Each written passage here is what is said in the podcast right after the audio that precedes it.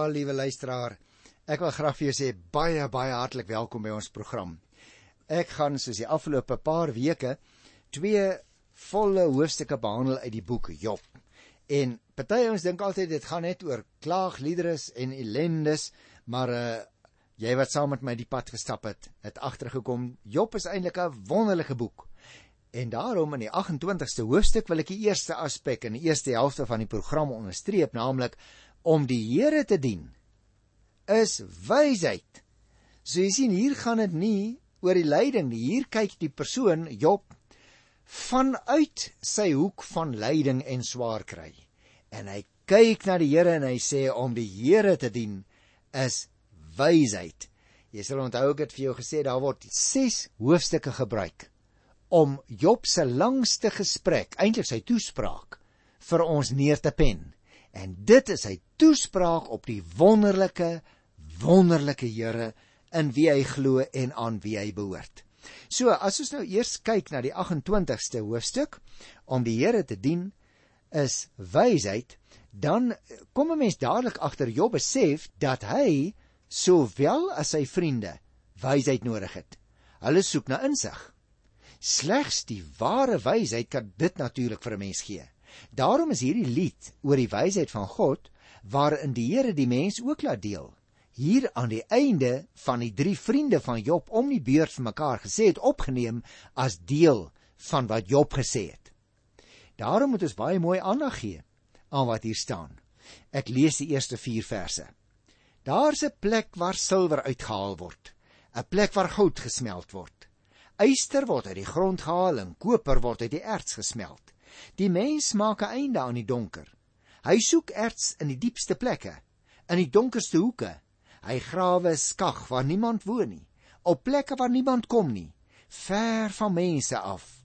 Hang hy en swaai hy. Dit is nie pragtige beeldspraak nie, liewe luisteraar. Die mens word byna geteken met respek gesê soos 'n bobbejaan wat hang aan 'n tak en hy swaai, maar is op wonderlike plekke.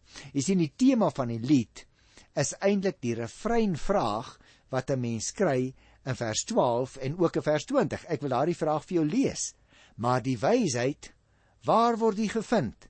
Waar is die woonplek van die insig?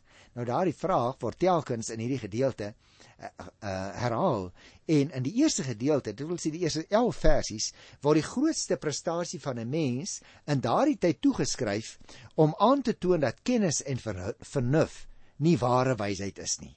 Die vier metale, let op wat genoem word: silwer, goud, yster en koper staan daar word uit die grond uitgehaal en moet gesmelt word om dit van klip grond en ander onsuiverhede te skei. Die mens grawe dus, so sê vers 3 en 4 tereg, 'n skag in die grond met sy lampies en met sonlig wat soms inskyn, verdryf die mens die donker op soek na die regte erts. Sy skagte bring hom in die diepste donkerste hoeke van die aarde waar hy dikwels aan riem leere moet hang soos 'n aap waar hy dikwels moet rondswaai as hy die erts met hamer en bytel los woel in 'n wêreld waar niemand woon nie. Hang hy aan daardie leer toue en kap hy met klein hamertjie wat eintlik maar niks beteken nie teen die rotswand en teen die plafon in sy kop op soek na die erts. Soms sit die mens 'n lampie by om so 'n bietjie lig te maak wat die erts kan blink sodat hy kan sien waar om te kap. Miskien sal jy nog onthou, ek het vir jou vertel van Hiskia se watertonnel toe ons uh, eh, 2 Kronieke die 32ste hoofstuk behandel het. En ook het ek daarna verwys in 2 Samuel toe ons die 5de hoofstuk behandel het. Nou Hiskia se watertonnel luisteraars in Jerusalem en ook die watervoorsieningsmaatreël gewees op plekke soos Gibeon en Megiddo. Dit is tot vandag toe nog daaroor. Jy kan die tonnel van Hiskia besoek daar by die Gion fontein in Jerusalem net buitekant die muur van die ou stad of jy kan na Gibeon toe gaan jy sal onthou dit is waar die son stil gestaan het in die Ou Testament Joshua 10 vers 12 vertel daarvan. En dit is ook in 1 Konings 3 die plek waarheen Salomo gegaan het om 'n eed af te lê dat hy die Here sal dien en gevra het dat die Here vir hom wysheid sal gee. Of jy kan gaan kyk by Megiddo waar daar baie beroemde perestalle opgegrawe is wat soms toegewys word as uh, die perestalle uit koning Salomo se tyd, hoewel daar heelwat bedenkinge daaroor is, wil ek nou maar net 'n snaakie sê. Nou maar goed. Al daardie dinge is vandag nog daar. En dit getuig van die wêreld van destyds se groot ingenieursprestasie uit tye lank voor die tyd van Job. So Job het skynbaar van hierdie dinge geweet, want ek het met jou gepraat oor die ontstaanstyd van die boek dat dit baie laat eers uh ontstaan het in die tyd van die Ou Testament. Nou goed, kom ons lees vers 5 tot by vers 11. Dis sulke wonderlike beelde wat hier gebruik word. Ek kan amper nie genoeg met jou daaroor gesels nie. Die aarde waaruit die voedsel kom, word daaronder oopgebreek met vuur. Uit die klip van die aarde kom safier, ook korreltjies goud. Geen roofvoël ken daardie pad nie. Die oog van 'n valk kan dit nie sien nie. Roofdiere loop nie daar nie. Die leeu gaan nie daar langs nie. Die mens bewerk die harde rots met sy hande. Hy keer die dieptes van die berge om. Hy grawe gange deur die rots. Sy oog sien al die skatte. Hy stop waterare toe en bring verborgde dinge aan die lig. Is dit nie ongelooflike mooi beskrywing nie? Ek kan verstaan luisteraars dat die boek Job e as een van die groot stukke literêre werk in die hele mensdom se geskiedenis beskou word. Ek het dit vir jou vertel toe ek die inleiding behandel het. Dit word deur gelowiges en ongelowiges erken as 'n majesteuse stuk bouwerk as ek so mag uitdruk. Jy sien, in hierdie 5 vers uh vers 5 tot 11 sê Job in die mense soeke se soeke na goud moet die landbou soog voor die mynbou. En die aarde word oopgebreek deur vuur te maak op die harde rots en dan water daarop gooi sodat die klip kan kraak en dan word die koevoete ingesteek en die aarde word oopgebreek deur die krake wat deur die vuur veroorsaak is. Die blou safier van vers 6 is 'n neuwe produk by die korreltjies goud. Na vers 7 8 selfs die voëls met die skerpste oë kan nie daarin kyk nie. En die mees onverskrokke diere sit nie hulle voete in die diep donker skagte nie, hulle is te bang. Daarteenoor, vertel vers 9 en 10, daarteenoor maak die mens vir hom 'n pad waar hy die dieptes van die berge onderste bo keer terwyl hy gange grawe sodat sy geoefende oog die skatte diep onder die aarde kan raak sien. Die 11de vers Hy stop waterare toe en bring verborgde dinge aan die lig. Jy sien, so magteloos as wat die mens is teenoor die watervloed bo die grond, so behendig is die mens met die ondergrondse waterare. Jy al ooit daaroor gedink?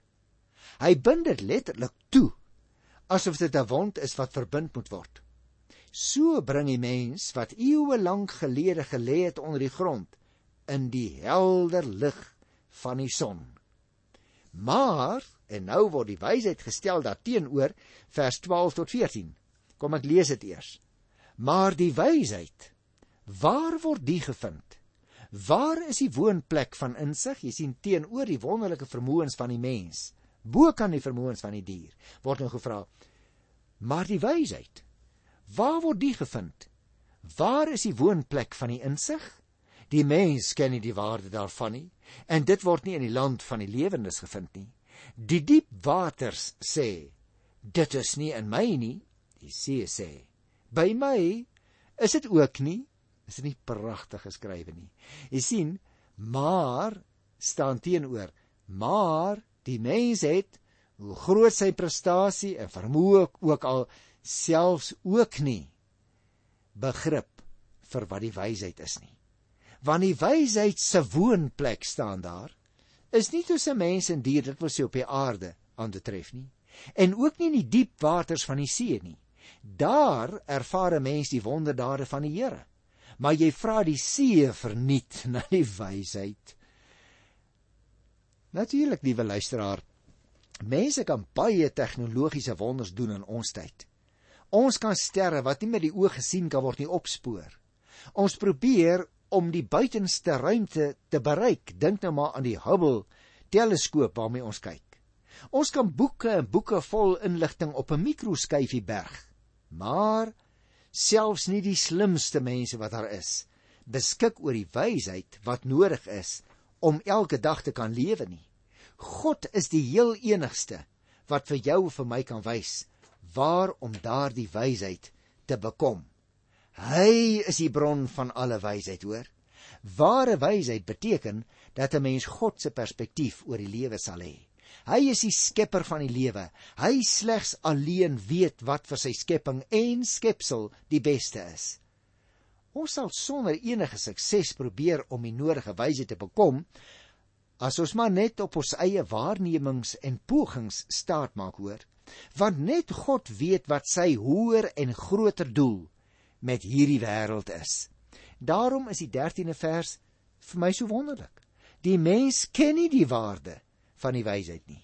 Dit word nie in die land van die lewendes gevind nie. Jy sien Job het gesê dat wysheid nie onder die lewens gevind kan word nie.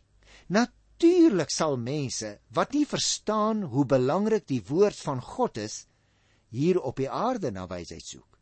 Hulle verwag dat filosowe en ander leiers vir hulle die nodige leiding moet gee. Job sê egter baie duidelik dat dit nie op die aarde te vind is nie.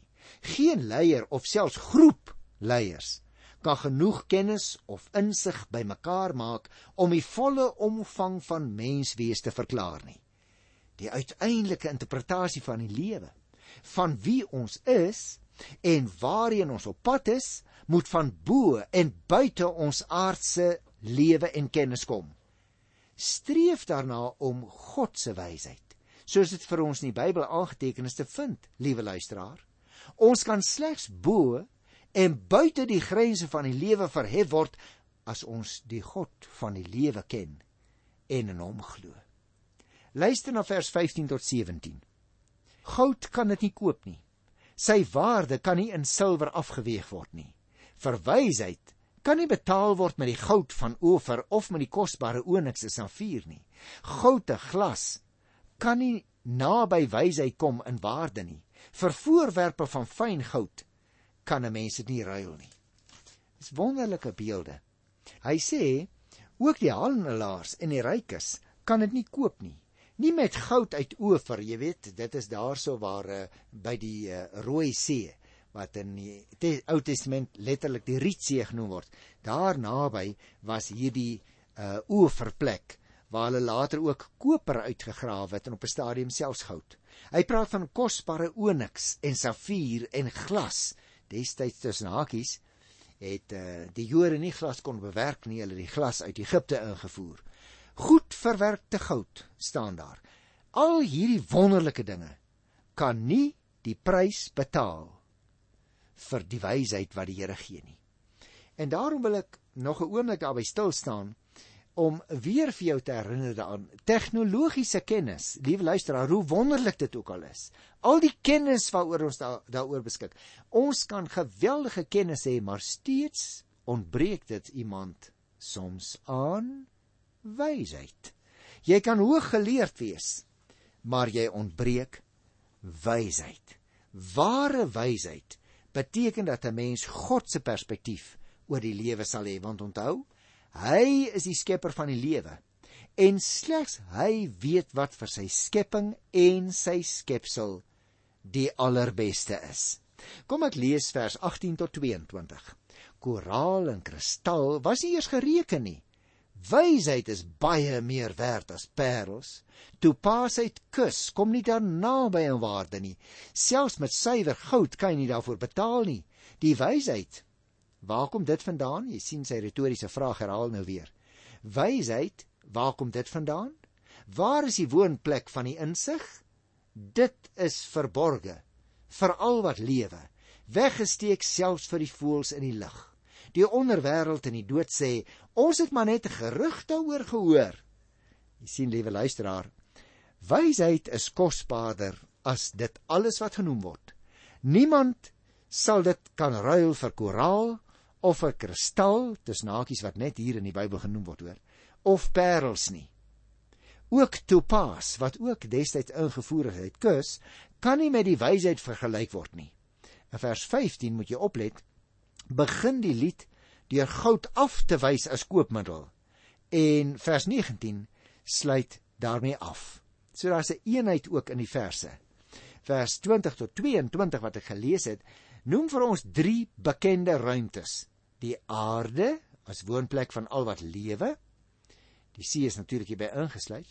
Tweedens die lug en derdens die onderwêreld as plek van die dood soos die mense dit destyds gesien het. Al daardie drie plekke in ons voorstellingswêreld weet niks van die wysheid nie.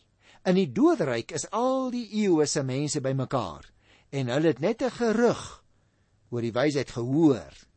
Maar hulle ken nie die wysheid nie. En dit bring my by vers 23 en ek gaan lees tot die einde van hoofstuk 28. Net God weet hoe die pad daarin loop. Net hy ken die woonplek van die wysheid, want hy sien die verste eindes van die aarde. Hy aanskou alles onder die hemel. Toe hy die krag van die wind bepaal het en die waters uitgemeet het, toe hy in die reën reëls gemaak het en 'n pad vir die weerlig aangewys het, toe het hy die wysheid gesien en daarvan vertel. Toe het hy dit vasgestel en deurfors en hy het vir die mens gesê om die Here te dien. Dit is wysheid om die kwaad te vermy. Dit is insig. Wonderlik, liewe luisteraar. Want hierdie 28ste vers leer ons baie duidelik. Wat die Here toe vir die mens gesê het, kom natuurlik voor op Psalm 111 vers 10 ook. Opvallend is die naam van die Here wat hier gebruik word.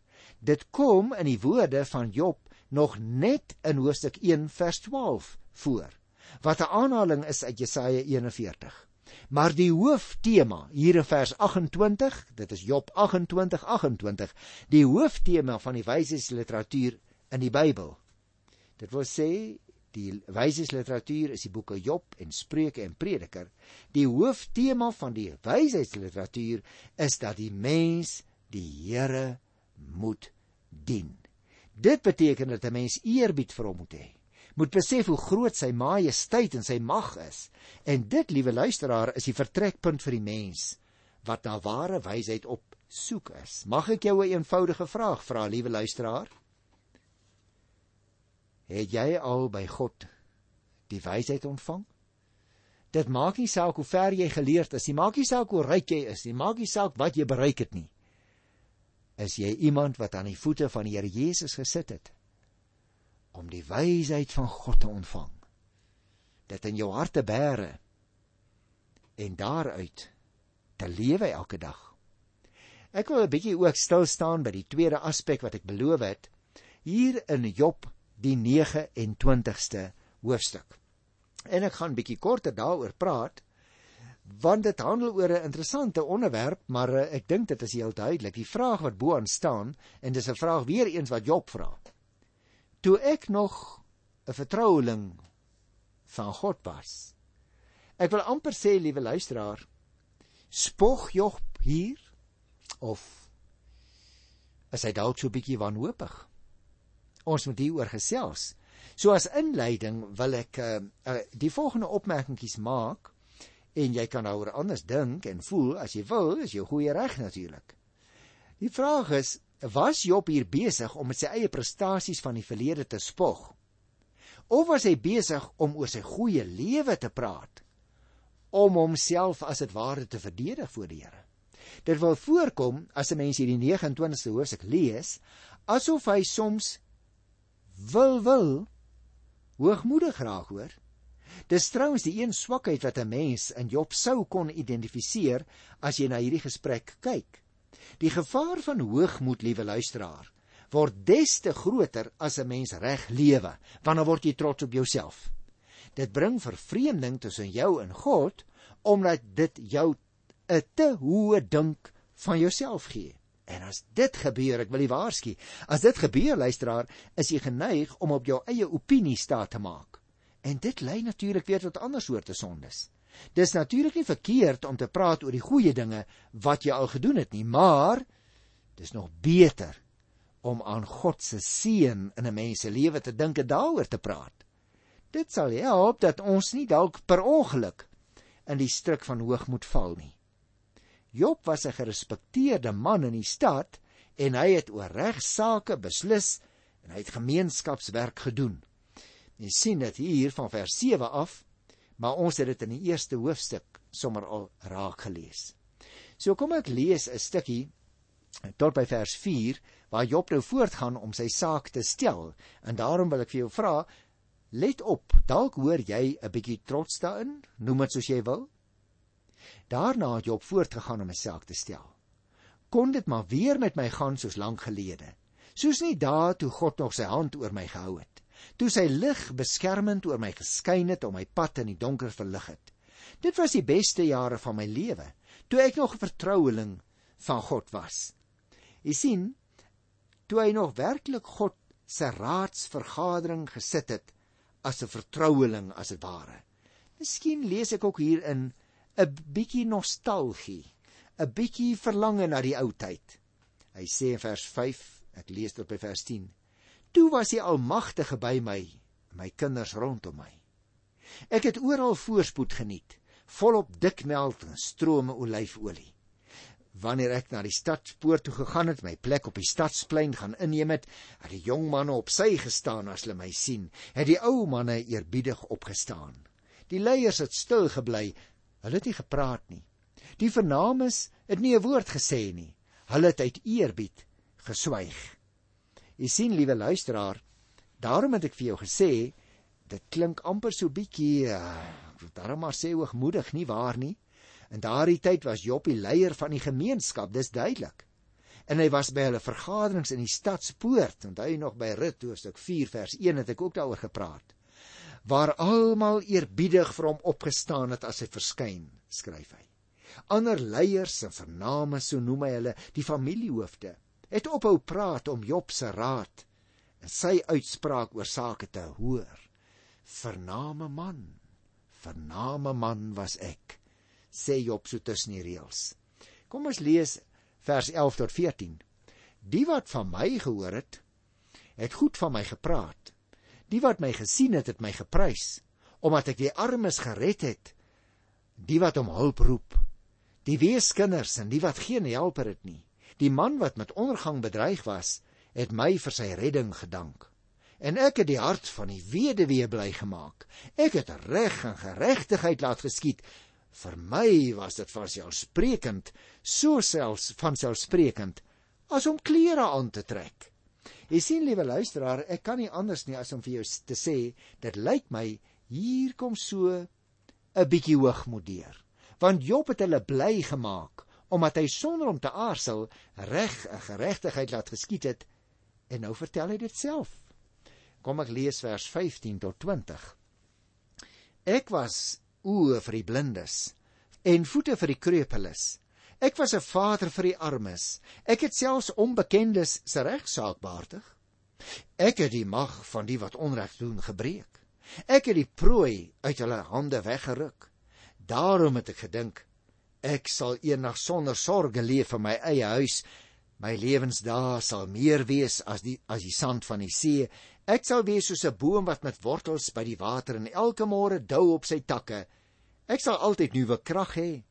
Ek sal my man kan staan. sien die blindes en die krepeles, liewe luisteraars, word dikwels saam genoem. En Job sê ek het eintlik vir hulle gesorg. En dan wil ek die laaste paar verse vir jou lees sonder onderbreking hier van vers 21 tot 25 en dan vra jy dan uh, wil ek vir jou vra wat jy daarvan dink. Mense het vol verwagting na my geluister. Hulle het in spanning gewag op my raad. Nadat ek gepraat het, het hulle niks gesê nie. Hulle het my woorde ingedrink. Hulle het daarop gewag soos op 'n reënbui. Hulle het daarna gesmag soos aan die laat reëns. Ek was vriendelik met hulle toe hulle geen hoop meer gehad het nie. My goedgesindheid het verhoed dat hulle ondergaan. Ek het hulle die koers gewys. Ek was hulle leier. Ek was tussen hulle soos 'n koning sonder tussen sy soldate, soos een wat treurendes troos. Jy sien, liewe luisteraar, vriendelikheid en goedgesindheid, dit beer natuurlik jou moedelose mense op. Dit maak hulle sterk, veral ook wanneer hulle lyding kry op die regte koers. En dit het van Job 'n koning gemaak onder sy mense. So sê hy tereg. Ek weet nie wat jou posisie is nie, liewe luisteraar. Ek weet nie of jy voor 'n luukse radio lê en luister na die woord van die Here terwyl dit uitgesaai word nie. Ek weet nie hoe beroemd jy is nie. Ek weet nie wat jou reputasie is nie, maar een ding wil ek jou teen waarsku. wysheid is om die Here te dien. Mag ek jou die vraagie vra? Dien jy die Here? Ek groet jou tot volgende keer in sy wonderlike naam. Tot dan. Totsiens.